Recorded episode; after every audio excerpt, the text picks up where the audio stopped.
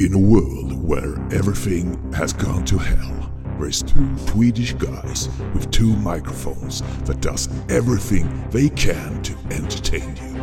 They have decided not to give up on you listeners.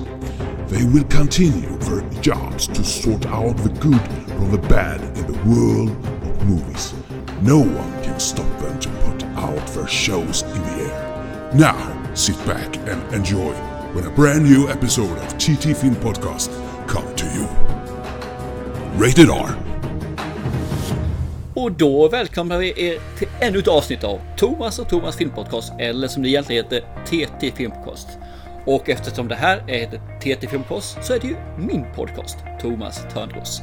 Och på andra sidan så har jag min, ja vad säger jag, allt ego tänkte jag säga, men min co-caster som heter Thomas Hellberg. Är du där? Din trogna slav i podcastdjungeln. Så var det ja, så var det. Ja, nej men slav går bra för mig också tycker jag, absolut. Ja. Och eftersom det är jag som bestämmer så är det givetvis jag som räknar in och pratar in det här samtalet. Det gör jag alltid i de här, i den här podden ju. Jag sätter mig och fogar här i hörnet och bara ser dum ut. Du bara nickar alltså? Ja. Så här bra podcastmaterial, man sitter och nickar och att man håller med. Nej, det, det är lite ovant faktiskt att få eh, köra så här introt in i programmet. Det, det, det, det är du väl värd. Första avsnittet för i augusti. Det är riktigt nice faktiskt. Och sommaren går mot stormsteg att bli höst. Det märks på kvällarna det bara blir mörkt tidigare. Ja, och lite men kallare också nu. Men det är fortfarande jättefint ut. Jag tycker faktiskt att det har varit en helt okej sommar. Och det, Ja. det kommer fortsätta ett litet tag till. Jag är optimist. Ska vi gå rakt in på ämnet, det vill säga film? Eller har du någonting du vill gnälla över? Gnälla? Nej, Ja. jag vill inte gnälla. Jag är ju bara lycklig över att det verkar ju som det stabiliserar sig på film. Vi har ju pratat om det fram och tillbaka, fram och tillbaka. Men nu verkar det i alla fall som att vi får Tenet i slutet av augusti, alltså runt 29 augusti. Och vi verkar få Wonder Woman den 2 oktober. Och vi verkar få din Black Widow 29 oktober. Så att det finns lite film att se fram emot nu i alla fall, på bio. Jag tror de gör rätt. Jag tror de gjorde en kalkyl där. Det är liksom att det är USA som inte öppnar och de vill väl se de här filmerna sen i alla fall kan jag tänka mig. Ja, Så att- och det, de får väl se den i sinom tid då. Men det finns ju faktiskt resten av världen, förutom USA, som Ja. genererar pengar. Ja, och vill se film. Förhoppningsvis bra film. Så jag hoppas att vi slipper tjata om det här för sista gången, för det har varit väldigt fram och tillbaka här nu. Men eh, som det ser ut nu, och Filmstaden verkar vara överens om det, för det står på deras bioprogram de här datumen då. Så att, eh, ja, den som lever ser. Och verkar som vi får en Bond i november också. Den står fortfarande kvar där. En Bond. James Bond.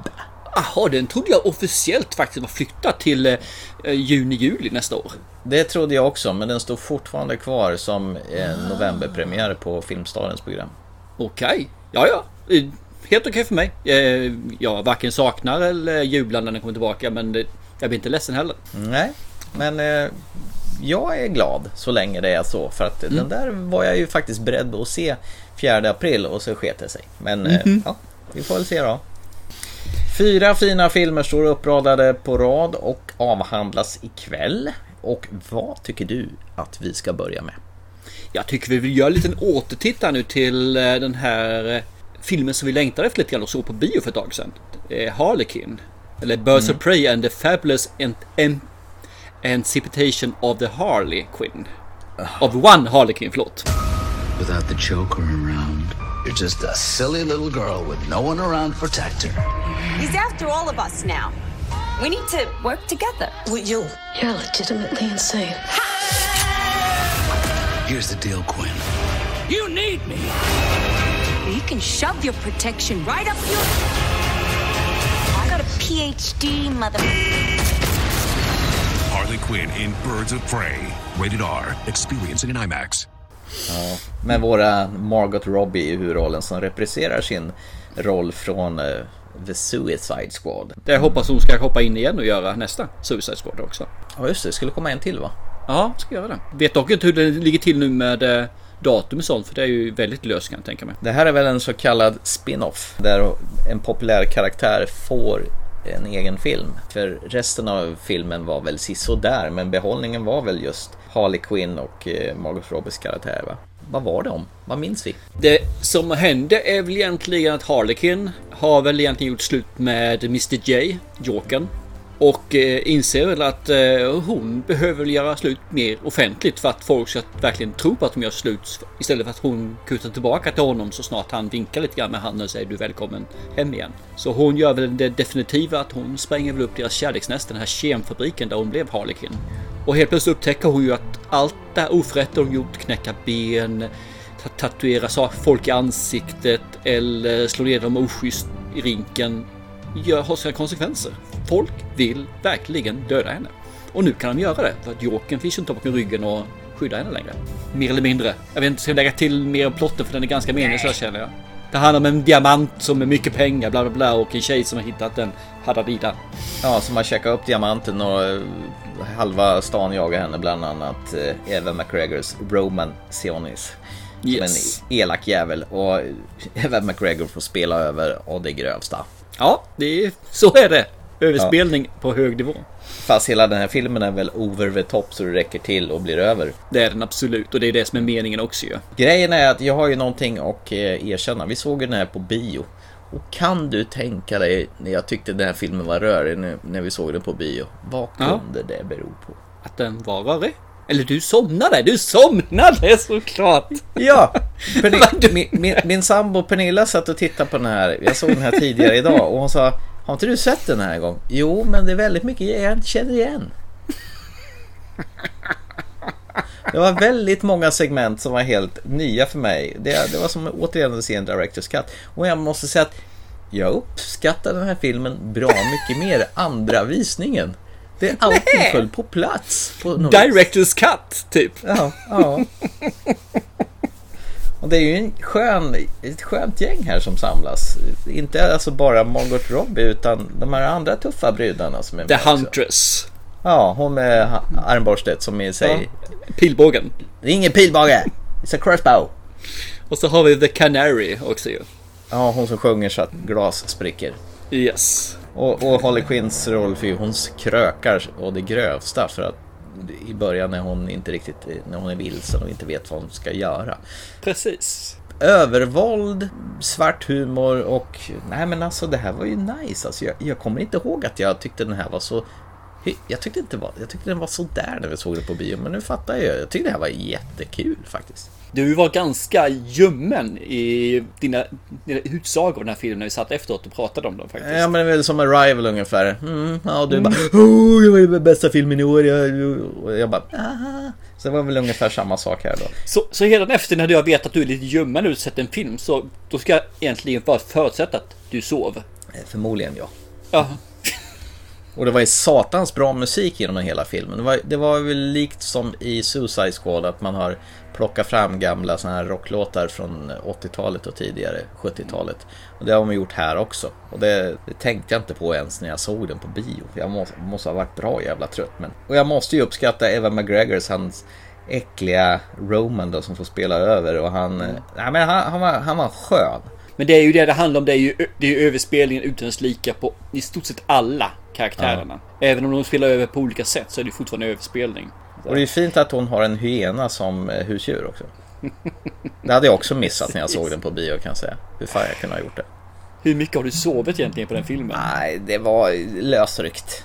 Mm, ja, precis. Ja. Nej men den blev bättre. Den ja. blev jättemycket bättre. Nej men jag uppskattar också den här lite mer än jag såg på bio. Tyvärr så är det ett par saker som sticker ut där tycker jag som är synd med att de har gjort. Mm. Jaha. Den ena är att de gjort Harlequin lite för mänskligad. Hon ja. vill vara snäll på något vis. Hon är inte lika crazy som hon är i Suicide Squad. Och det tycker jag är lite synd. Man måste göra lite mer ja, lätt, lite mer hjälte om vi säger så. Fast hon inte ska vara. Hon ska vara en antihjälte som Max. Fast hon inte lyckas så bra i den här filmen. Jag tycker det är synd. Och det tror jag är för att eh, Margot har då, vad heter det, producerat den här också samtidigt. Så då kan jag tänka mig att hon ville då Ja, hon ville sätta sin stämpel på henne hur hon ville att hon skulle vara då. Jag tycker det är synd för hon frångår vad det som var bra i Suicide Squad och de frångår det som hon var i alla serier och alla tecknade filmer också för den delen. Mm. Jag gillar ju den här introsekvensen de visar hennes uppväxt och hur hon blev den här tecknade grejen i början. Mm, den är helt okej, okay, det håller jag med om. Den hade jag faktiskt glömt bort helt och hållet. Och jag log lite grann när jag såg det. Och sen att de får så här berättartexter när de här olika tjejerna kommer in och förklarar vilka de är. Det, Ja. det ger också en sån här fin serietidningsdimension till den här filmen. Absolut. Nummer två som jag tyckte var lite synd. Det är att de inte lyckas göra några bra fighting-scener. Tycker du inte? Nej, det är, det är så uppenbart att det missar fast de slår volter. Jag tycker om hur de vill göra det. Problemet är att genomförandet är eh, amatörmässigt. Och det tycker jag är lite synd, för jag menar på den här filmen med den här budgeten och det här så borde man kunnat ha bättre koreografi i eh, fighting-scenerna. Annars tycker jag ju om det här, som du säger, det var lite... Jag, jag tycker om det här när hon slår basebollträ på pungkulorna och det är massa sådana här saker. I, I love it. Men fighting-scenerna är 60-tal. Jag saknades bara biff, boff, zip, zap också lite. Ja men eh, det är ju serietidningsvåld det här.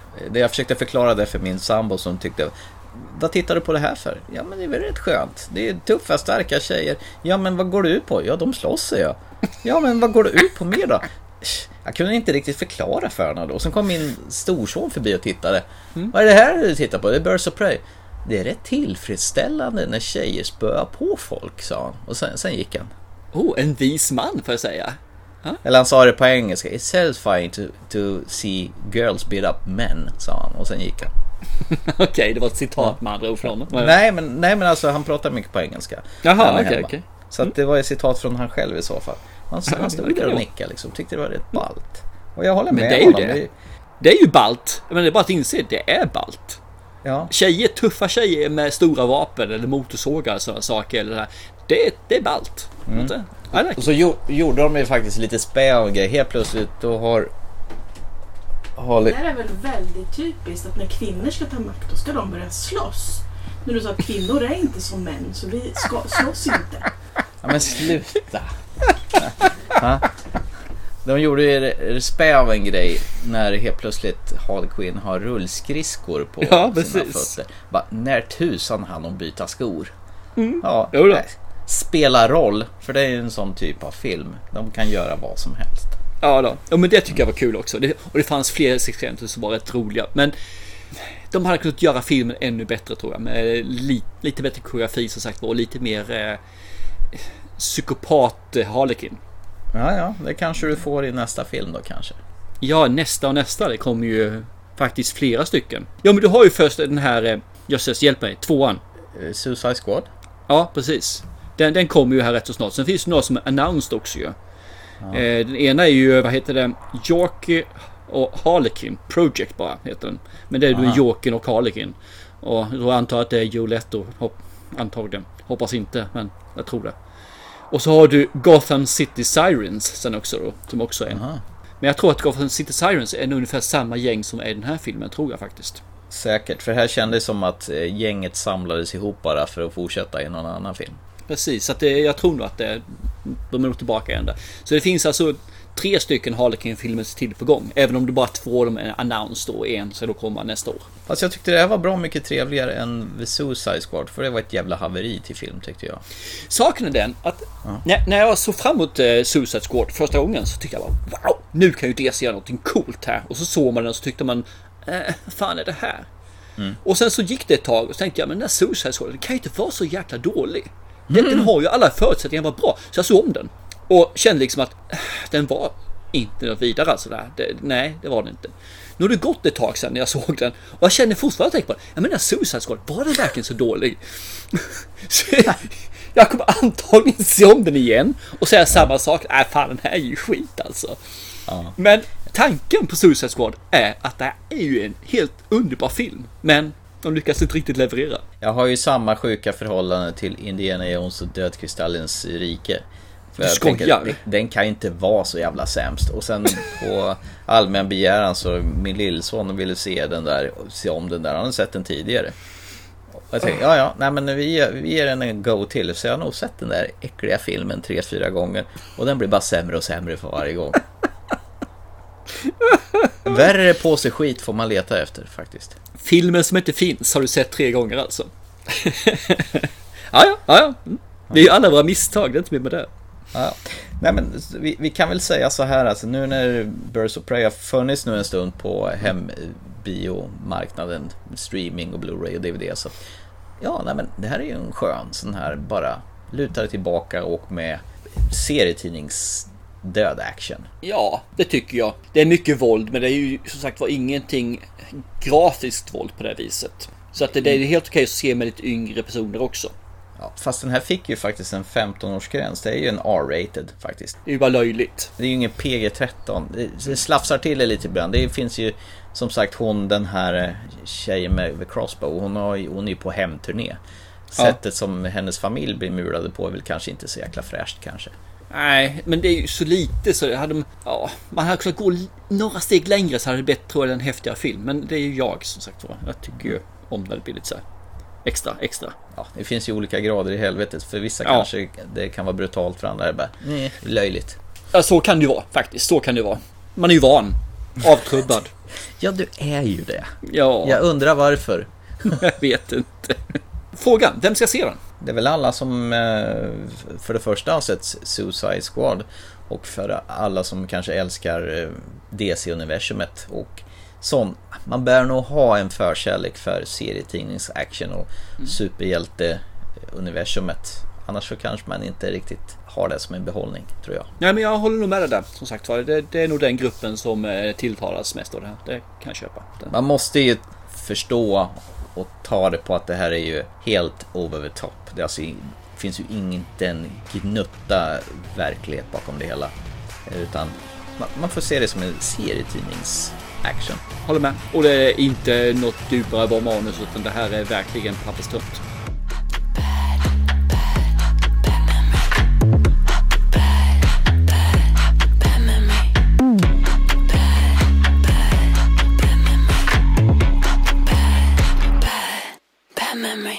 Ja, från det ena konstiga till det andra konstiga, jag på att säga. Eh, vi ska ut till förorten där ett par som håller på letar hus tillsammans.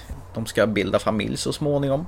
Men innan dess så ska de köpa ett hus och går på husvisning i ett bisarrt område i Vivarium. Welcome to Yonder, a wonderful development. It has all you'd need and all you'd want. Number nine. Number nine is not a starter home. This house is forever. Lee for a boy. Do you have children? No. It's not exactly what we're looking for. That guy was so strange. Yeah. Wait. No, no, I don't think this is the right way. Yeah, this is the way we came in. Number nine again. Did we just do some kind of loop? How have we just... Want me to drive? Such a jerk. Because I think this is not possible. We can't make turns like this over and over. We have gone this way, Tom. Oh my god. Hello? Och det här är ju då en film med din eh, våta dröm till skådespelare ju. Jesse Eisenberg. Nej, jag skulle ju faktiskt vilja ha vilja sett någon annan i rollen istället för Jesse Eisenberg. Jag har ju skitsvårt från den här krulltotten alltså.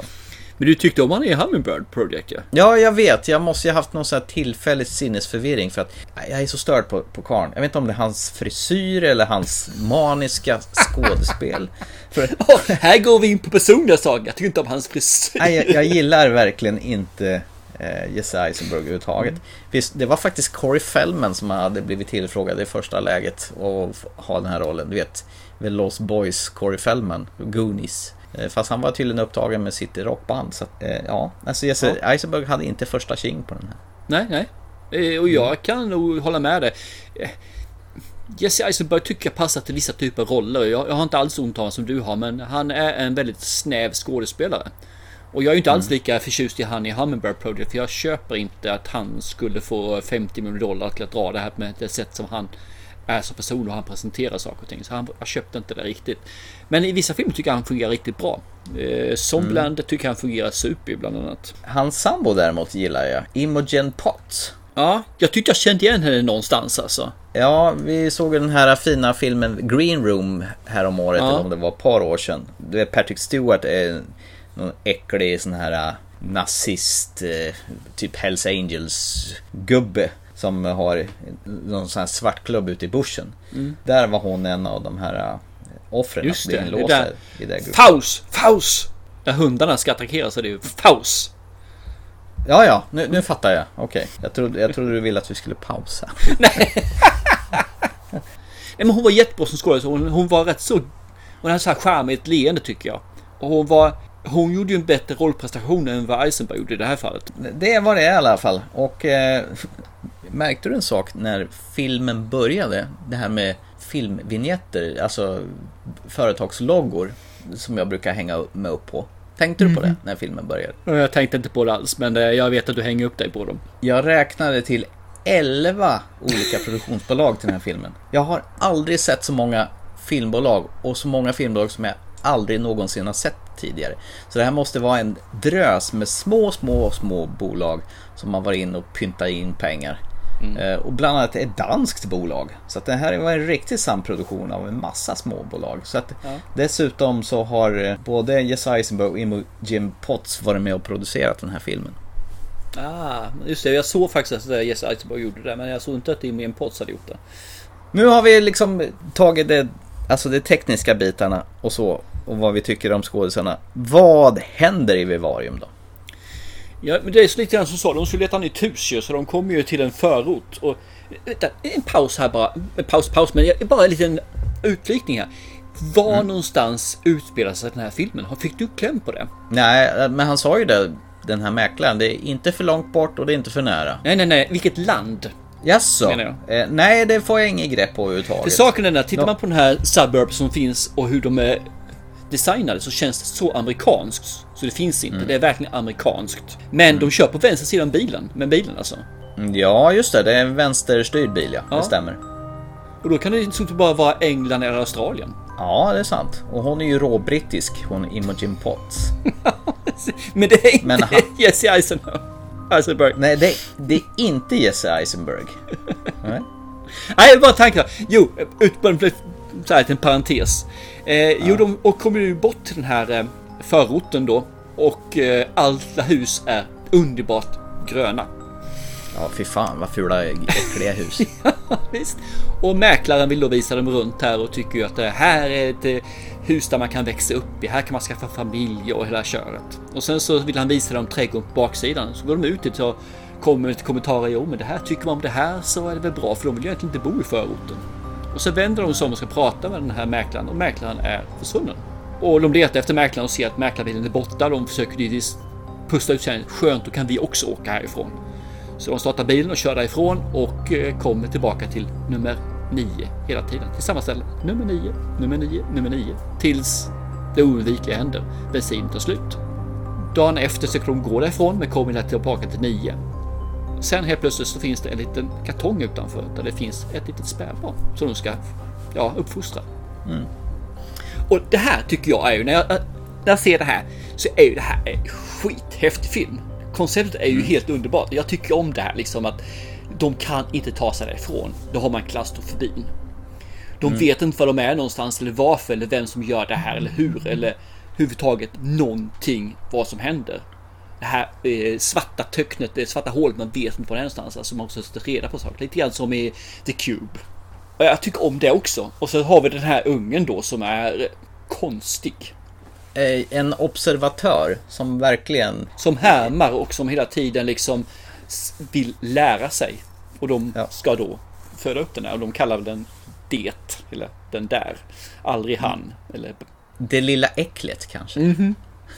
Och jag, jag kände liksom att fasen vad nice det här kunde blivit.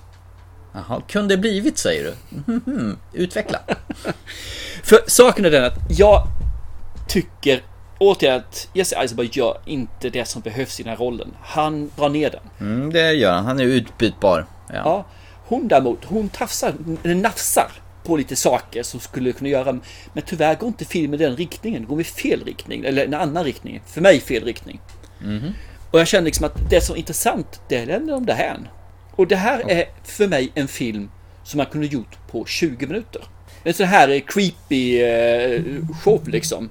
Eller ett avsnitt av Black Mirror kanske? Black Mirror, precis. Fungerar alltså utmärkt. En kort Mm. film är det här, så den ska inte vara mer. Den har inte så mycket berättat på det sättet de driver den framåt. Hade de drivit en annan riktning så kunde de gjort lite mer av den. Men det gör Mm. de inte. Och jag känner att det blir repetition och man känner liksom att, jaha, vad hände där? Varför är det där? Och det, det blir så krystat. Och samtidigt så ska de vara jättekära och sen så är helt plötsligt så, deras förhållande tar en riktning som är helt åt fanders. Och sen så gör den en loop och sen blir det här. Och blir det, den håller inte ihop filmen, den, den blir så spretig och jag känner liksom att det här var ju inte det jag hade signat på när jag såg, när jag läste om den, jag såg även en trailer på den. Det här var inte alls vad jag signade på eller när jag såg de första kvarten, 20 minuterna. Mm. Utan de gjorde någonting jag vet inte, det är som jag ska få en, en blåbärspaj och jag får en paj med bara skalet. Det finns ingen fyllning. Jävligt torr paj. Eller som en pizza som är ogräddad och utan tomat och ost på. Där har du någonting. Det var en torr paj. Bra liknelse. Det här var en jävligt torr och fattig film. Ja, okej. Okay. Så jag, jag, jag kände bara, fan också. Den här har ju fundamentet bli en superfilm. Att kunna göra en sån här film som jag hade kunnat tänka på i flera år efteråt med välbehag. Och suttit här liksom och hyllat i podden. Och nu är det bara, ja okej okay då. För det, det, är ingen, det är ingen jättedålig film, jag ska inte säga det här är inte en super, super dålig film. Den är lite mindre än okej. Okay. Men har man inget att göra så varför inte se på den? Och som sagt var, ni kan tycka att filmen tar en helt annan väg än vad jag tycker. Men jag har varit besviken på den, det vart jag faktiskt. Men jag kanske har hypat upp det för mycket. Det var ju mitt omdöme på den. Nu har jag ju stått här och orerat länge och väl. Så herr Hellberg, mm. va, va, vad säger du om filmen då? Ja, jag kan säga så här att Jesse Eisenberg gör ju inte så att eh, filmen blir bättre på så vis. Jag hade gärna sett någon annan eh, skådespelare i den rollen. Eh, däremot så tycker jag att Imogen Potts sköter sig alldeles förträffligt. Och jag känner ju med deras frustration där de inser att de inte kommer någon vart. De försöker åka ur det här jäkla bostadsområdet efter den här slemmiga, äckliga eh, mäklaren. Det här gör ju verkligen alltså karikatyr av mäklare, att de är slemmiga och äckliga. Japp. Yep. De twistar ju till det lite grann och gör det oerhört mera over the top förstås. Mm. Eh, jag tror inte man skulle ens vilja följa med en sån där mäklare som beter sig på det här viset. Jag tycker hon är jättebra. Jag tycker Jesse Eisenberg suger hästpung. Men ändå så, så känns det ju hopplösheten här att de är ju helt ensamma. Det är ju faktiskt en väldigt aktuell film nu för de är ju väldigt isolerade med det här social distansering och det, det tar ju verkligen social distansering till en helt annan nivå.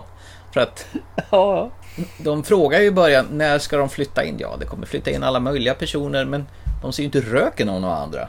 Nej, precis. Och, och någonting som slog mig, försökte de ens gå in i något annat hus än sitt eget hus? Hmm. Nej, gjorde de aldrig. Vad jag kommer ihåg heller. Och sen när den här äckliga ungen kommer som man blev ju helt störd på. Han skriker rakt ut när han inte får som han vill. Han är som en fågelunge. Mm. Mer större unge än så har man ju inte sett sen Babadook. Och sen har de gjort någon konstig äcklig röst på honom. Men jag vet inte om det är ungens egen röst som de har pitchat ner några hack eller om den är liksom dubbad. Den säger jag. Eller ungen är dubbad och hans backslick hår där. Jag tycker nog ändå att den här filmen har en slags filosofisk syn på saker och ting. Om man är vaken i början av filmen och hänger med lite grann så, så, så, så, kan man ju förstå vad de är ute efter. Och när filmen är slut då, då tänker jag så här, ja, men det är väl självklart att det skulle gå på det här viset. Det har de ju egentligen hintat om hela tiden. Eh, jag gjorde ju misstaget och berättade för min lillson om det här filmen mm. och han tyckte det verkar jättespännande. Och min sambo tyckte att du är en idiot som låter honom titta på det här men ja, men det här är inte speciellt otäckt sa jag. Jag hade faktiskt börjat titta på den innan och tänkte men det här kan ju vara intressant att se för hela familjen. Men det var ju ingen film för hela familjen. Nej, då känner jag mig som en oerhört dålig pappa. Jag tänkte, ah, har han sett 1917 så varför kan jag inte titta på det här? Men det är inte annan sak, det är en äventyrsfilm. Den ju. Det här är ju en psykologisk film. Ja, man kan ju, bara för att det liksom visuellt kanske inte är otäckt så kan det vara psykologiskt otäckt. Mm.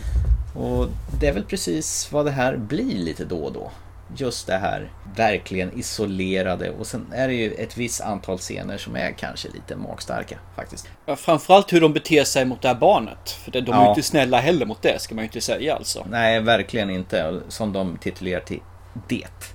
Mm. Jag kan säga min sambo tyckte det var skit. Men jag fann den här väldigt otroligt stimulerande. jag tyckte det här var skitbra faktiskt. Jag var på tåget hela vägen, från början, mitten och slutet. När hela filmen var slut så tänkte jag tillbaka på hela förloppet och ja, jag var nöjd med det jag sett faktiskt. Jag, jag, tyckte det här var, jag tyckte det här var bra faktiskt. Det var twistat och det var skruvat och det föll mig helt och hållet i min kopp te där. Eh, Mm. Det var nice. I liked it. Fick du förklaring till titeln då? Varför den heter Vivarium? Jag vet ärligt talat inte vad vivarium betyder faktiskt. Jag var tvungen att slå upp det för jag är ju så här sucker på det när det gäller såna här konstiga titlar för de brukar alltid betyda någonting. Ja, delirium vet jag ju. Men vivarium, det kanske är någon släkting till det. Inte. Nej, inte är det inte. Utan eh, vivarium är egentligen när man eh, iakttar, ja, säg som man har eh, en sån här myrfarm. Så man Mm. tittar in i den så ser man hur de arbetar. Man kan iaktta dem, man kan göra detta, man gör ett försök. Man kan ha råttor i en labyrint så ser man hur de springer. Ja. Och det är det här som man har egentligen en behållare eller någon typ av ställe där man kan iaktta och eh, utforska och eh, lära sig om någonting då. Och det är vivarium. Ja, men då hade den en väldigt passande titel. Mm, och det var det jag trodde också. Nej, men jag tyckte det här var toppen. Eh, Det här är ju ingen film för alla, långt ifrån alla. Det är väl nog precis som du säger. Antingen så tycker man det här är bra eller också tycker man att det här är med. Eller bortslarvat. Som i ditt fall. Ja, lite i mitt fall ja. Eller, ja. Det här är, kommer bli en vattendelare faktiskt. Men jag ställer mig till hyllningskören faktiskt för den här filmen. Mm, Okej, jag förstår dig. För jag tror också det att eh, man, man kommer hamna på knivsägg. Att man tycker om den och man tycker inte om den. Eh, Jag tror jag fortfarande balanserar lite grann på kniv- knivsäggen. För jag, jag säger inte att den är jättedålig den här filmen. Och den har lite tanke... Den väcker lite tankar som gör efteråt. Mm. Och det är faktiskt en bra film. Jag säger bara att de kunde gjort den så mycket bättre.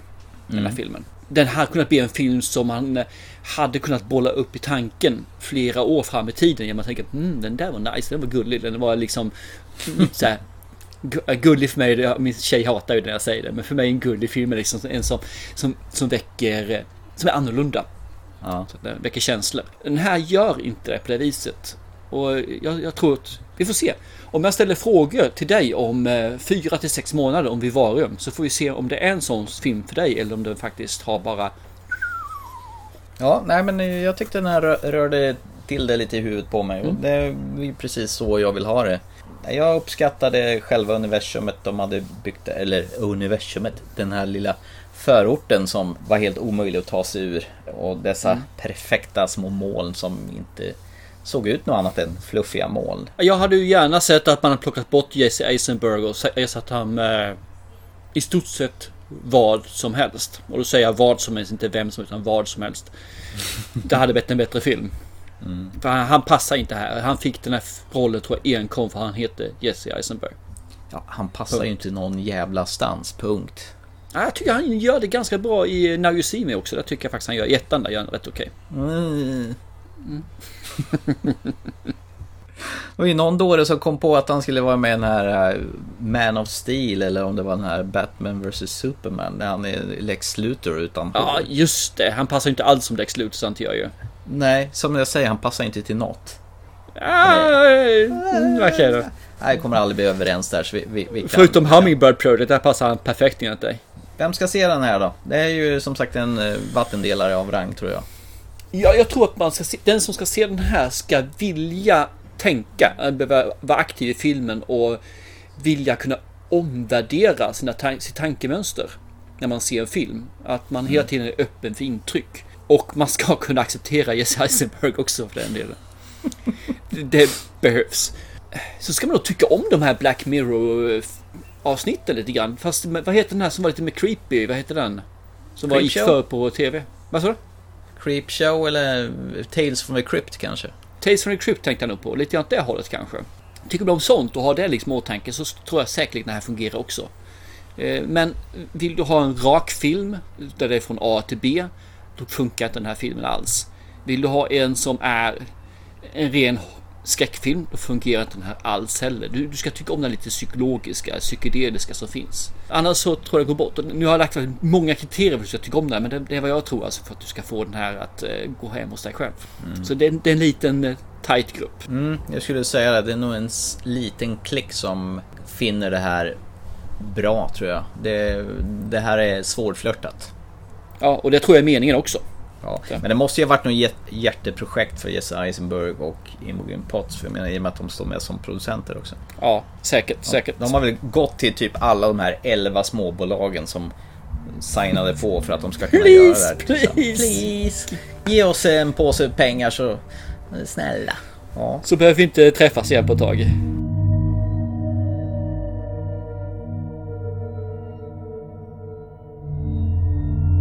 Jaha, eh, då går vi till nästa film då i, på dagsordningen och innan vi börjar prata om det här så får jag väl be om ursäkt på förhand. Det här är din film. Den här har Mm. du valt. Den här ville du se. Mhm, verkligen. Det är ju inte så konstigt att jag ville se den här. Jag tror nog att du ville se den här också. Innan du visste vad det var frågan om. Jag var inte alls intresserad av den här faktiskt, jag erkänna. Utan det var Det var något du det? sa. Ska vi inte ta den här också? Och jag tänkte. Ja. "Pff, Ja visst, du vill se den så varför inte? Mm. Nej, Eh, men jag bara tänkte på att det fanns ju en film av Bröderna Coen som hette The Big Lebowski. Och där eh, The Dude, han, en av hans favoritsysslor förutom att dricka eh, White Russian var ju att gå och bowla med John Goodman Mm. då. Och eh, en av deras största kon- konkurrenter var ju John Turturros rollfigur eh, Jesus, eller Jesus, i hans lila Mm. stass och hårnät. Som slickar på bowlingklotet. Ja, exakt. Och sen när det helt plötsligt dyker upp en film som heter Jesus Rolls med och av John Turturro.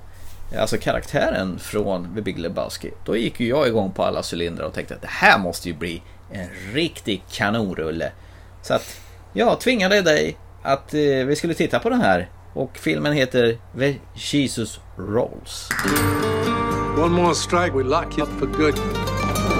I've never seen anyone lick a ball before you throw a strike. That's my style. You look good. I look like a million bucks, son. what a honey, huh?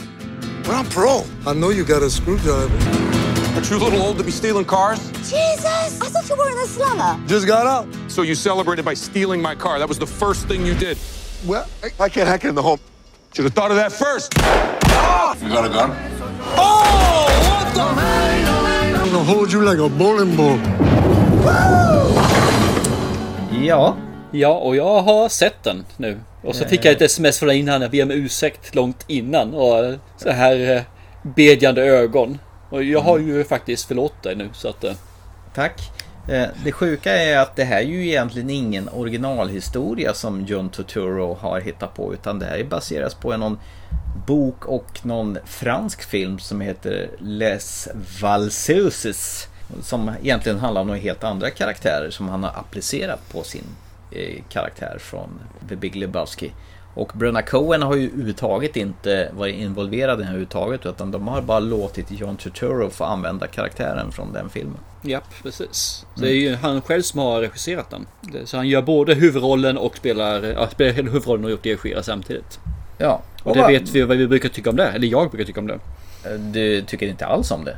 Mm, nej, jag tror att, tycker ofta att det är svårt att göra en sån sak och regissera sig själv. Jag inbillade mig någonstans att det här var en film som skulle handla om bowling. Och vad fick vi då? En bowlingmatch va? Ja, knappt. Ja, nej precis, stämmer faktiskt. Nej, jag tänkte faktiskt att den här gången ska banne med du få tala om vad vi fick för någonting. Ja men det är ju det som är problemet. Jag vet ju fan knappt vad den handlar om. Yes, jag vet. Det är ju, det är ju Jesus, alltså John Turturros rollfigur och han, han har ju precis eh, släppts från fängelset och där har han ju varit med påverkat eh, till och med fängelsedirektören som spelas av Christopher Walken i en kort sekvens i början. Jag tänker, ja, han har ju fått med honom, trevligt. Och sen eh, har vi ju hans eh, vapendragare väntar på honom ute som, som heter P.T. som spelas av Body Cannavale. Det är väl en sån där man har sett i maffiafilmer och så vidare. Eh, De eh, har en eh, gemensam vän, spelas av Audrey Tattoo. Alltså det är ju, det är ju namnkunniga namn i den här filmen som spelas Marie, som aldrig har någonsin fått en orgasm. Och det hör Mhm. till att P.T. och Jesus delar på allt. De delar på Marie. Eh, och eh, de är ju lite svårt att hålla sig på rätt sida av lagen. Alltså småkriminella människor. Då. Och Svårt egentligen- och svårt, de försöker ju inte ens. De åker runt bil, de lever på nätterna. Man, alltså den här bowling världen som jag trodde jag skulle se. Ja, du får se John Turturro slicka på bowlingklot en gång till bara för att man ska fatta. Ja, ja, men det har väl någonting med Big Lebowski att göra. Saken är den att jag tror att den här filmen med just att han heter John till exempel, han heter Jesus. Han mm. anspelar på just den här ikoniska filmen, kultfilmen. Mm. Och alltihopa gör att det är vissa suckers som kommer se den här filmen för att de känner igen det och tänker wow, häftigt, den här filmen vill jag ju se för jag vill se Jesus som spelar slicka på bowlingklot igen. Har jag rätt eller har jag fel där? Jo, det är klart du har rätt. Det har du ju. och, menar, och sen har Christopher Walken som ett affischnamn, vad är han med? Typ tre, en minut i början av filmen. Ja. Såg Absolut. du förresten att han Busty Scruggs var med också? I en roll. Han eh, blev ju hotad av John Turturro. Han kom ju, kom ju hem till den karaktären. Nu vet jag inte vad den Jaha, du menar han som var läkare? Ja, precis. Det är ju ja. Buster Scruggs ju. Och sen har du John Hamm, den här äh, frisören. Och sen har du ju, vilket jag fattar minst av allt, det är ju Susan Sarandon är ju med i en, en mm. Eh, kort sekvens som har precis sluppit ut ur fängelset. Och alltså de här Jean heter hon va? Ja, precis. Hon är väl egentligen den enda som gör sig rättvisa av det lilla hon är med. Hon är ju jävligt intensiv i den här filmen. Och hon spelar ju faktiskt bra, trots den här jävla sörjan till film. Men sen är det ju bara en jävla massa konstiga händelser som är staplade på varandra. Som inte egentligen leder till någonting. Nu måste jag hoppa in där. Precis när du säger det här. Det är bara en massa scener som är staplade på varandra som inte leder någonstans. Ja. Just det. Jag kan ta och plocka en film som är exakt likadan. Jaha, vad är det då? Once upon a time in Hollywood. Nej men alltså den har ju lite finess i alla fall. Det här är ju bara ett jävla... Det här är ett rövhål till film. Jag var så jävla förbannad på den här filmen. Och sen har han lagt till sån här eh, lite mexikansk musik för att addera känslan då till den här korta sekvensen han är med i i Big Lebowski. Och likadant, han är ju tvungen att dansa med någon tjej på den här bowlinghallen.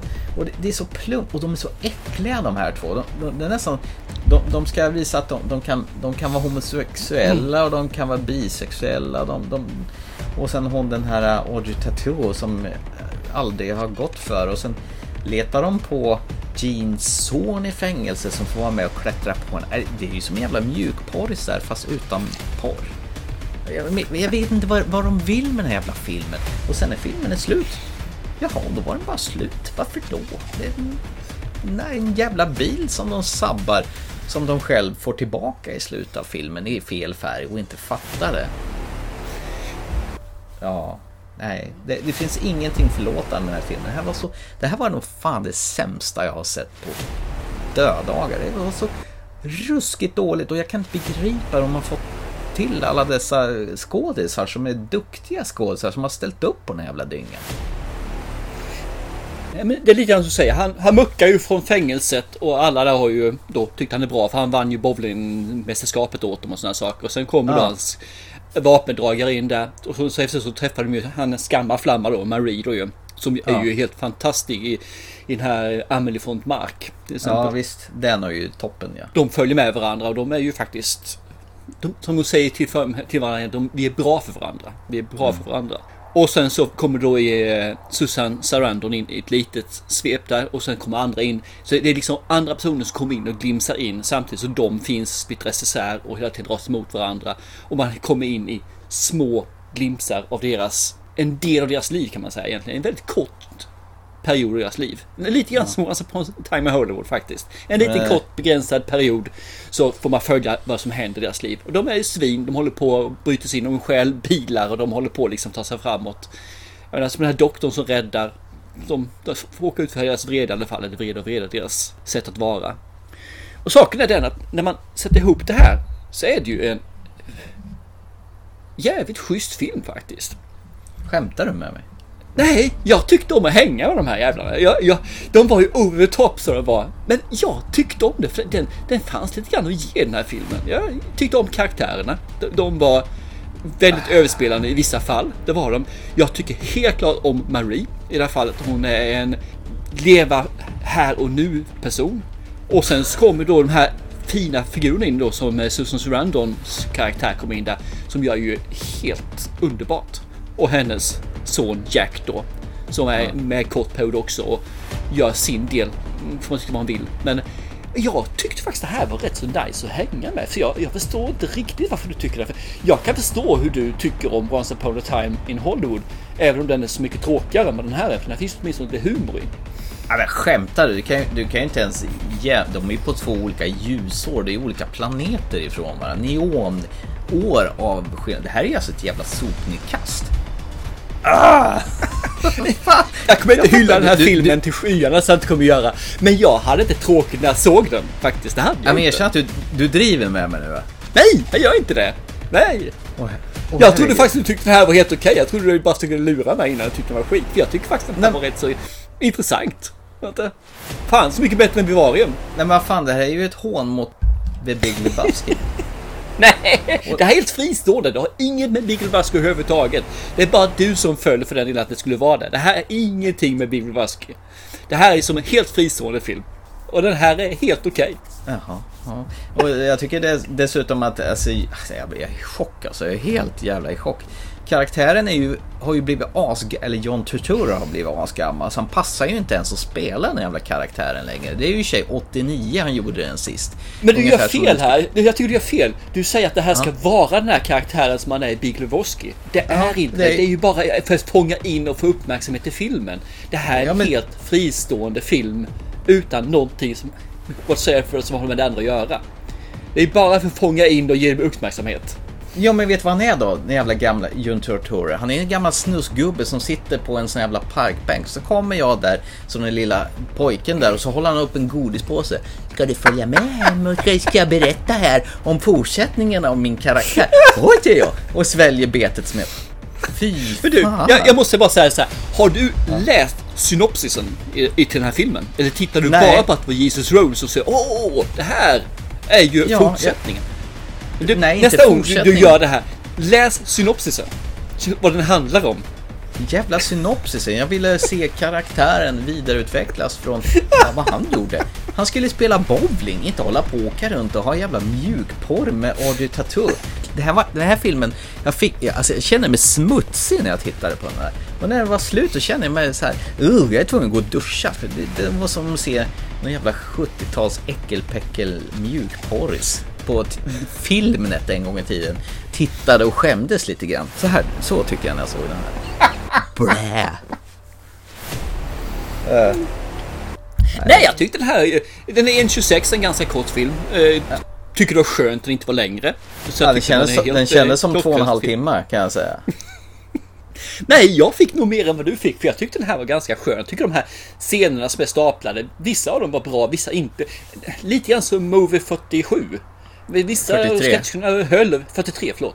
Vissa sketcherna höll och vissa gjorde inte det. Det här var samma sak, vissa sketcher var bra, vissa var löjliga och vissa var rent ut sagt taffliga. Men överlag så tyckte jag att det här var rätt så rogivande att titta på faktiskt. Och jag är- jag är förvånad att du... Men men jag förstår nu varför du slår ner så hårt på den. För du trodde du skulle få samma film som Lebowski. Nej, jag tror inte jag skulle få samma film som Lebowski. Nästan, Dä- en fortsättning nej, på dä- den. Däremot så trodde jag väl kanske att jag skulle få någonting som andades den typen av film, sättet att berätta den på. Och det här var ju någonting helt, och dessutom är ju som sagt det här är en remake av en fransk film. Som de bara har bytt ut namnen och bara gjort om. Ja, Jag säger som jag sa från början här Thomas.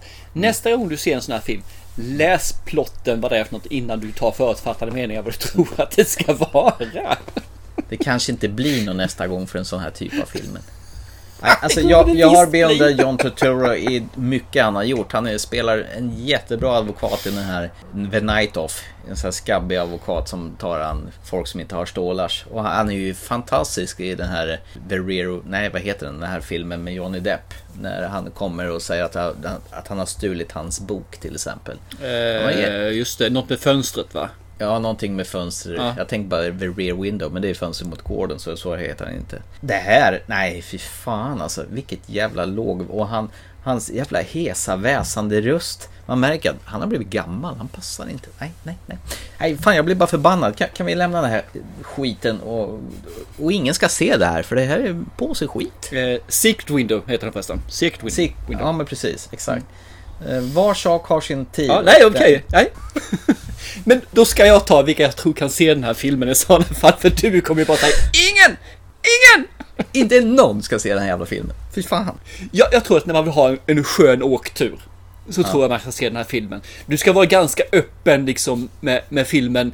För det finns en, rätt så mycket sexuella anspelningar på den här filmen. Det är, det, de visar ingenting men det finns en del anspelningar på det.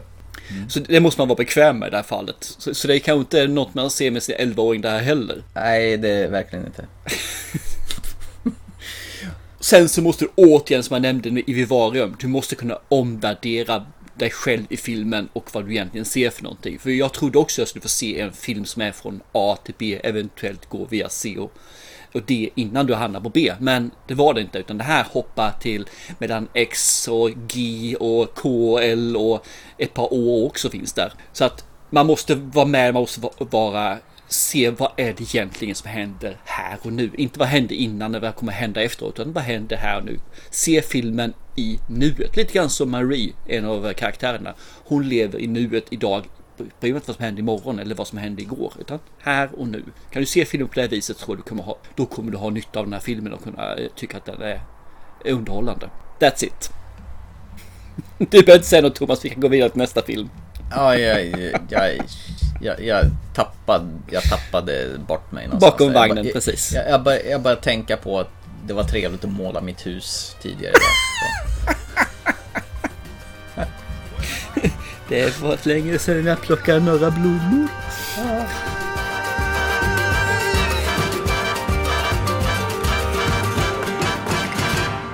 Jag tycker vi släpper den här och går över till kvällens sista segment i podden. Du menar? Återtiteln Filmer från förr som vi ser nu med äldre ögon. Perfekt. Döda Poeters Sällskap från 1989 eller Dead Poets Society då. Riktigt gammal film, över 30 år gammal. Där Robin Williams eh, spelar läraren John Keating som har lite udda metoder att lära ut sina elever. Det är ju en sån här skola för... eh, Vad, är det, vad- kallas det? Pri- Privatskola? Elitskola kan vi säga egentligen. Welton Academy for Boys, a breeding ground for the future leaders of America. An institution dedicated to achievement, virtue, and conformity. A school whose rigid standards are upheld by every single teacher, except one. Come on, Mr. Overstreet, you twerp. Mr. Anderson, are you a man or an amoeba? Language was developed for one endeavor, and that is to communicate. No! To woo women. Mr. Keating. Touchstone Pictures presents Robin Williams as John Keating, teacher, Well, is this a dagger I see before me? philosopher, I like Byron. I give him a 42, but I can't dance to him. orator, Oh, Titus, bring your friend hither. and founder of the Dead Poets Society. A bunch of guys sitting around reading poetry. No! Ding! Thank you for playing anyway. What was the Dead Poets Society? The Dead Poets were dedicated to sucking the marrow out of life. Spirits soared, women swooned, and gods were created. Not a bad way to spend an evening, eh? I hereby reconvene the Dead Poets Society. To strive. That's beautiful. Sit down, Mr. Anderson. Carpe diem! Sit down! What the hell is going on here? Seize the day. Touchstone Pictures presents Robin Williams as John Keating. He was the inspiration that made their lives extraordinary. Dead Poets Society. Det är ju de som går vidare här, eller en elitskola, en privatskola, en elitskola. Där de som kommer in här, de går vidare. Det är de som liksom blir mm, maktens män, om vi säger så, för det är bara en pojkskola. Och det är tuffa regler och det är lärarna, de tolererar inga misstag och att folk slackar efter här då. Och väldigt strikt och väldigt formellt hur man lär ut på det gamla sättet. Förutom Robin Williams när han kommer då, han luckrar ju upp en del. Ha- hade bara sett den här filmen en enda gång innan nu vi kikade på den här sist. Och det var någonstans när man gick, antingen var det på mellanstadiet eller också var det högstadiet. Där de tvingade iväg, tror jag alla som gick under en viss årskurs skulle gå iväg och se den här filmen. Eh, Det var ju en sån där se filmen, diskutera den. Eh, Var det Mm. samma för dig? Eh, Kommer inte ihåg om jag såg den i skolan, men jag tror jag gjorde det också faktiskt. Det var ett svagt minne av det som du säger, att man såg det där. Men jag tror det var åttan eller något sånt där faktiskt. Eh, 89 kan väl stämma att det var där. Det här var väl en sån här film som alla hyllade unisont. Det var en oerhörd publikframgång.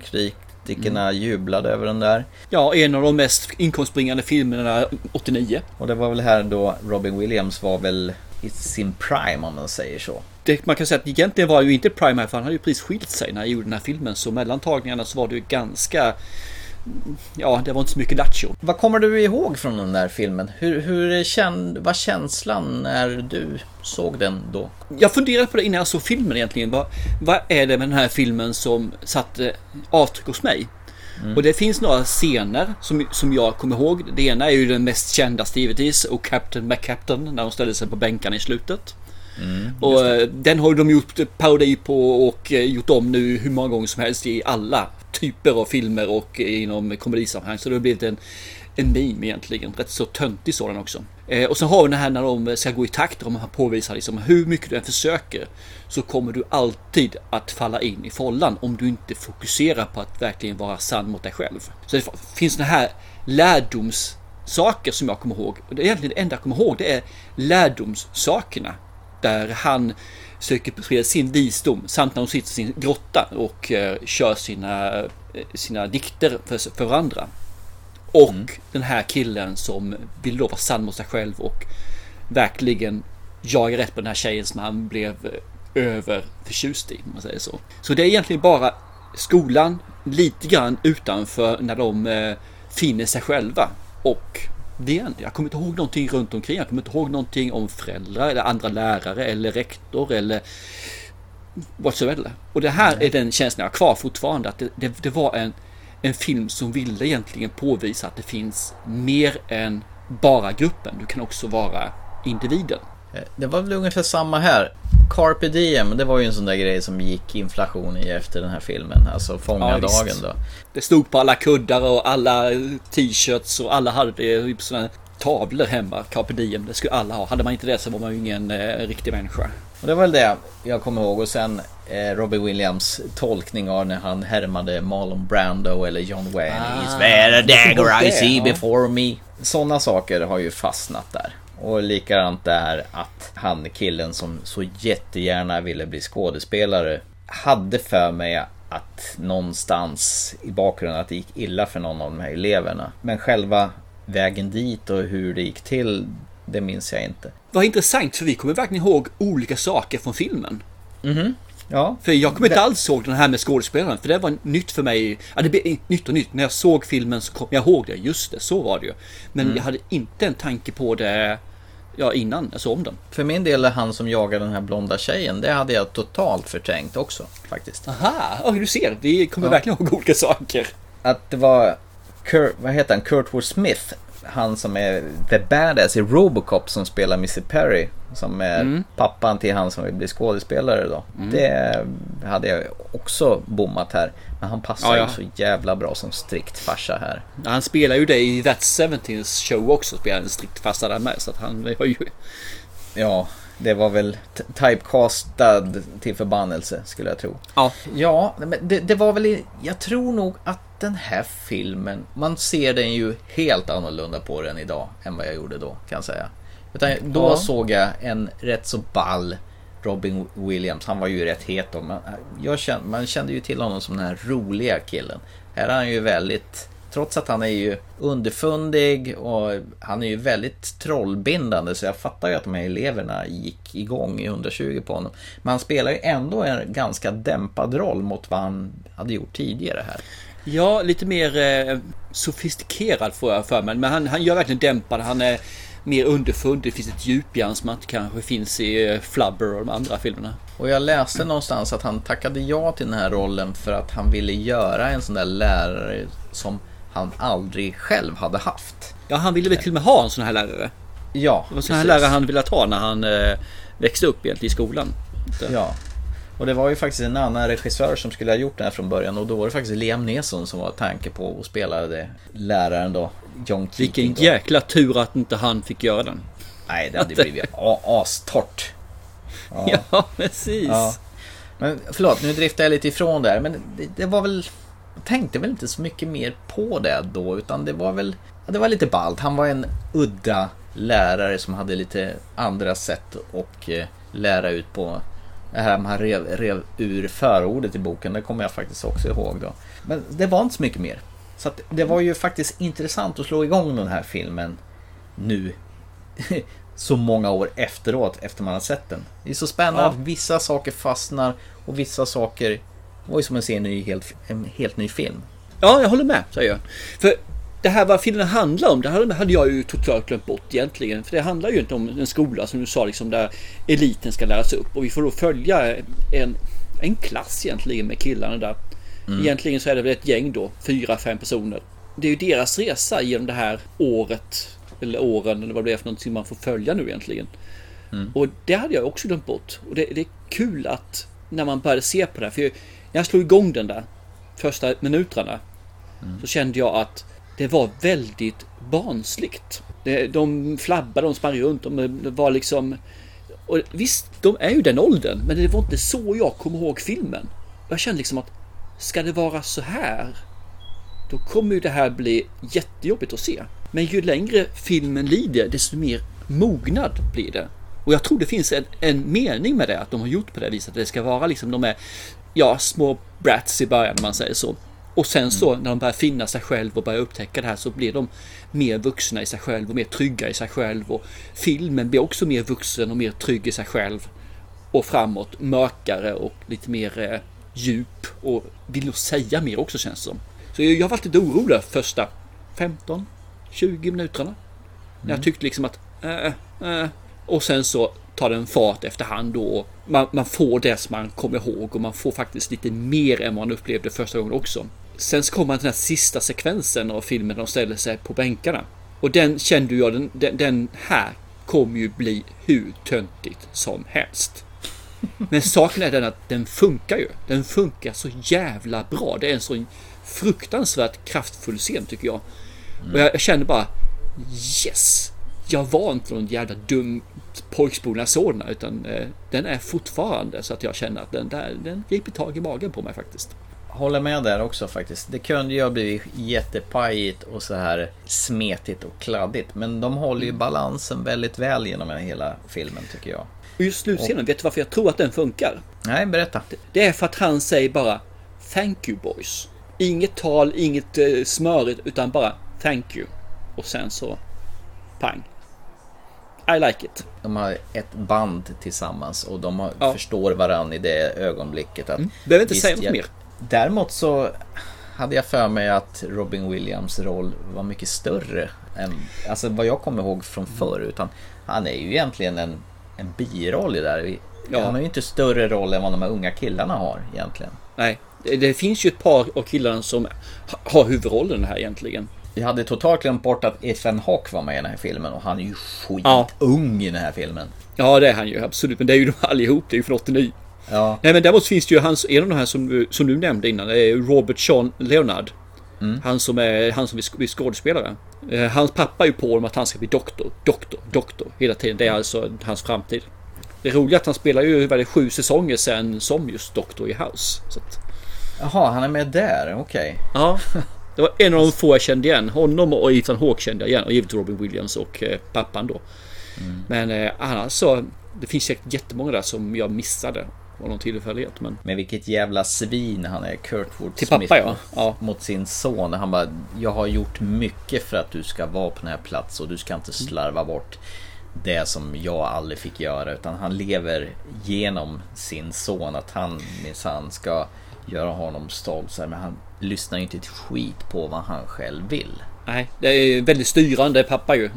Av olika anledningar. Får jag reda på varför han är styrande, men han är ju det i alla fall. Jag hade för mig någonstans att när han väl såg honom stå där på scenen att han skulle smälta där en aning. Och, men Ja. nej, och, och mamman då som inte överhuvudtaget törs säga emot sig. pappan. Han säger bara du försöker att sova lite grann så blir det bättre säger mamman då. Äh, Fan. Usch vad arg jag var. Ja, precis. Jag med. Och det var ju de här sakerna där man... Det verkligen insatte känslorna i svallning hos mig liksom. Och att man aldrig skulle göra på det här viset mot eh, sina egna barn. Jag hoppas inte de känner så i alla fall. Men just det här är hans sätt att lära ut det här att man vågar eh, se eh, saker och ting från olika håll och inte köra fast utan och inte bara vara en i mängden utan lär dig tänka själv. Vi Mm. river ut förordet här. Så här tycker de att man ska förstå och lära poesi. Du kan sätta upp ett diagram och men det här skiter vi. Vi gör så här istället och hans sätt att lära ut. Jag, jag såg det helt då, med helt andra ögon än när man såg den. när man Ja, för när jag såg den första gången så var det ju en kul grej. Då var Ja. han en rolig nisse, för eh, Robin Williams är ju alltid den här kulpricken. Men när man Ja. ser om den nu så är han ju faktiskt en, vad ska man säga, en föregångare, en, eh, en profet egentligen. Mm. Och jag ser det som att det, han, han eh, försöker ju få dem att bli fritänkare. Han försöker få dem att tro på sig själva. Att, och tänka egentligen och bilda sig uppfattning. Istället för att bli pådyvlad att så här är det. Rätta det ledet annars jävlar. Men det är så Ja. säga en väldigt liten roll och jag, jag tycker vad heter det, elevernas, de här killarnas roll är större och bryter igenom mer nu när jag såg om den här den här gången än vad jag gjorde första gången. För då Mm. var det mer en transportsträcka till nästa roliga grej som Rob Williams ska göra. Nu Ja. ser jag filmen med helt andra och jag tror att fasen, har du inte sett den här sedan du gick i skolan så ska du banne mig se om den för den är så mycket bättre nu än vad det är då. Och det säger jag om en film som är från 1989. Det här Mm. är en klockren film alltså. Jag älskar den ännu mer än jag gjorde innan. Ja men det är ju en perfekt coming to age film. Där Mm. som du säger att det, det Fulländad. det Ja, det här barnsliga som är från början. De växer samman. De gör allt för varandra de här killarna. Mm. De är ju så sammansvetsade så finns inte. Och sen har de ju Robin Williams som vägleder dem till de här gamla stötarna. De här gamla, gamla rektorn och lärarna tycker att han beter sig jättekonstigt. För Mm. att det ska vara det ska vara disciplin och ni ska göra som vi säger. Det ska vara stängt. Ni ska gå och lägga er efter ett visst klockslag och sådär. Och må fan ta er om ni bryter det här. Ja, Då får ni avdrag på betygen. Det som är roligt med just eh, Peter Weir här, det är ju att Mm. han spelar alltså in hela filmen i kronologisk ordning. Okej. Så första scenen är den som spelas in först och sista scenen är den som spelas in sist. Och det gjorde han för att han ville just att killarna som träffades där och lärde, kännas, lärde känna varandra under inspelningsperioden skulle också visa sig på filmen. För man lärde, just, de lärde känna varandra i filmen också. Så det skulle Mm. bli samma överföring, att de lärde känna sig i verkligheten och på filmen skulle då återspegla sig samtidigt. Där. Ja, men då har han ju lyckats väldigt bra faktiskt. Visst gjorde han det? Fruktansvärt bra. Det- Helt rätt sätt att göra film på. Han har ju gjort en hel driva med bra filmer. Han har gjort bland annat en Vittne till mord med Harrison Ford. Han har gjort The Truman Show med Jim Carrey. Han har gjort en Master of Commander med Russell Crowe. Så att Mm. Mos- Moskitokusten. Han har ju en hel driva med filmer. Fast den här ser jag, det är ju hans mästerverk faktiskt. Det är Ja. han, den bästa filmen som han gjort. Och Robin Williams, han eh, tror jag nog ser det här som en av sina bästa filmer. Han har varit med i också vad jag förstår. Ja. Eller gjorde. Han lever ju inte längre. Eh, Det finns faktiskt en person till som jag vet om som skulle eventuellt bli den här John Keating. Och det är Bill Murray. Jaha, okej. Det hade kanske kunnat fungera om han hade lyckats tona ner sig lika mycket som Robin Williams gör. För det är det som är grejen. Han, han ser man ju också som en sån här lustig gubbe. Bill Murray kan ju vara seriös också. Det har vi ju sett i Lost in translation till exempel. Ja. Med eh, Scarlett Johansson och han. Den är ju också faktiskt en... Ja, ja visst. Absolut. Han, han kan klara det jättebra där. Ja. Och sen vet jag att det finns en person till faktiskt som var påtänkt. Och det tycker jag var jättebra att han var en girig burk och ville ha jättemycket pengar som de inte kunde betala så han föll bort. Och det är faktiskt att Mel Gibson var tänkt.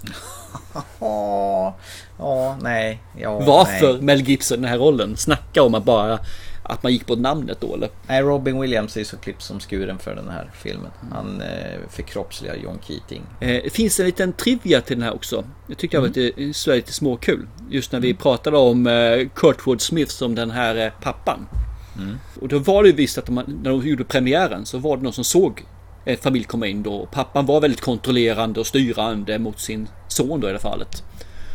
Och de gick och satte sig och sen när de såg de samma par eller familj då gå ut igen för biografen när det var klart. Och då Mm. grät pappan störtfloder. Och det- kan man ju bara hoppas att det berodde på att han kanske fick självinsikt. Hur han var, hur han betedde sig genom att se sig själv kanske speglas i filmen. Men både du och jag verkar tycka att det här verkar vara en film som man bara ska se. Det här är ju tjänstefel om man inte har sett den här. Och det är som du säger att man bör se om den här i vuxen ålder för du får en helt annan syn på den här filmen. Och du ska inte göra samma misstag som jag gjorde. Att se den själv. Utan sätt Nej. dig med barnen och se den här. Ja. Och se hur de ser på den och kanske diskutera den efteråt också, hur de reagerar på den. Jag vet att det låter skola i det här fallet. Men det kan vara ett ypperligt tillfälle att se hur dina barn reflekterar över saker och ting. Och hur du reflekterar och sen så kan det kanske mörja ihop dem till en aha-upplevelse tillsammans. Mm, mötas på mitten någonstans. Ja, kanske. Vem vet? Jag tror att det här kan bli en jättebra fredagsmysfilm faktiskt. Eller en söndag. För det. Var vi nöjda så? Ja, ja, jag säger ja, säger jag. Du är Nej, men- mer än nöjd. Ja, jag, jag är jättenöjd med den här filmen. Jag, den här var så mycket bättre än vad jag kommer ihåg att den var. Så jag är jättenöjd att vi, eller att jag förde upp den här på listan att vi skulle se den. Härligt. Du ja. Ja, det är toppen. Ja, jag är inte självgod någonstans här inte. Nej, nej. Jag tycker du är självgod, som Claire Wikholm skulle ha sagt. Nästa gång är det min tur att välja. Ja, det är det. Absolut. Får se vad det blir då. Men till nästa gång så har ju du ditt eh, filmuppdrag som jag gav dig för, för något avsnitt sen. Och då ska du till nästa avsnitt se The Endless. Yes. En, eh, Som inte finns på Netflix dock. Nej, jag vet. Det var ju olyckligt. Den har funnits i döddagar, så jag har väl tagit för lång tid på mig. Så du får väl eh, hyra den på något annat bra ställe som finns. Ja, absolut. Eller så får jag åka över Atlanten och se den i USA för den verkar finnas på deras Netflix. Eller så hyr jag den för 29 spänn eller vad den kostar. Jag tror det. Så, var vi nöjda för ikväll? Jag är jättenöjd. Då kan vi konstatera att Birds of Prey var bättre vid andra titeln. Tror jag båda Ja. tyckte va? Ja, tycker jag. Vi kan ju konstatera att vi, kan ju konstatera att vi totalt eh, hade olika åsikter om Vivarium. Och vi hade totalt olika åsikter om Jesus Rolls. Och vi kan konstatera att Döda Poeters Sällskap så här över 30 år senare är en ännu bättre film än det var när den kom 1989. För nu har vi vuxit till oss och sett filmen med andra ögon. Unisont hyllar vi den filmen. Då så, som vanligt så kan ni nå nå oss på Facebook, Instagram, Twitter. Vill ni någonting som inte vill att det ska synas så skicka ett mail till oss till ttfilmpodcast.gmail.com så tar vi upp det i podden istället. Absolut.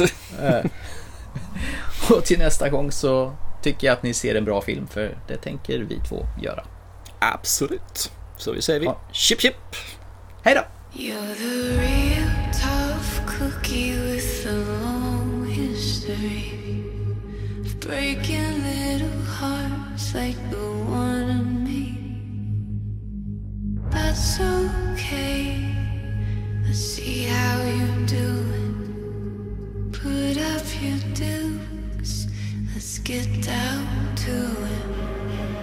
Hit me with your best shot. Why don't you hit me with your best shot? With your best shot. Fire away.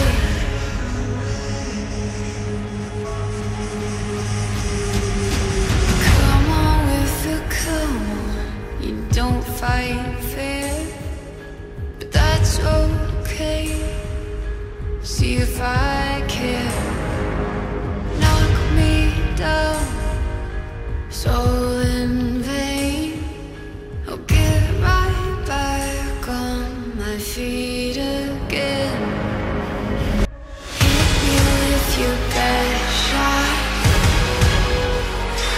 Don't you hit me with your best shot. Hit me with your best shot.